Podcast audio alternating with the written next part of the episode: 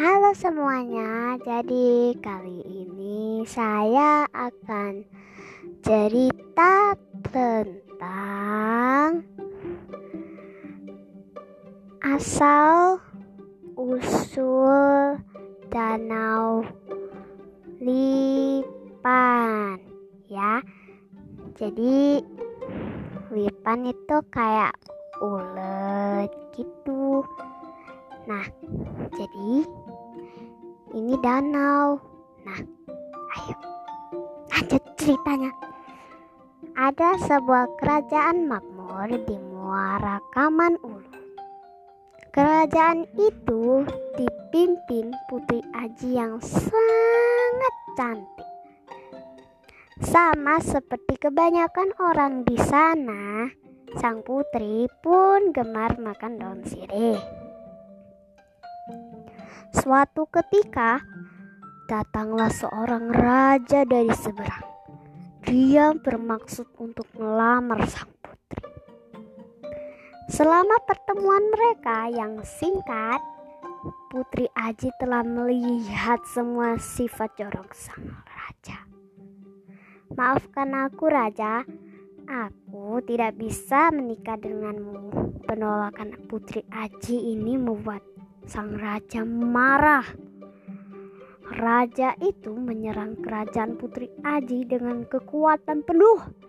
Kapal perang mereka sangat banyak. Putri Aji mengalami kekalahan besar. Dengan sisa kekuatan terakhirnya, Putri Aji berdoa kepada para dewa. Para dewa agung, ubahlah daun-daun sirih ini menjadi lipan yang sangat besar. Ratusan lipan raksasa balik menyerang pasukan musuh dan berhasil memukul mundur mereka semua. Sang raja memutuskan untuk mundur dan segera berlayar kembali. Namun sayang sekali, para lipan raksasa raksasa itu terus mengejar dan menggelamkan kapal sang raja. Lautan tempat tenggelamnya kapal raja itu mengering dan berubah menjadi sebuah danau kecil.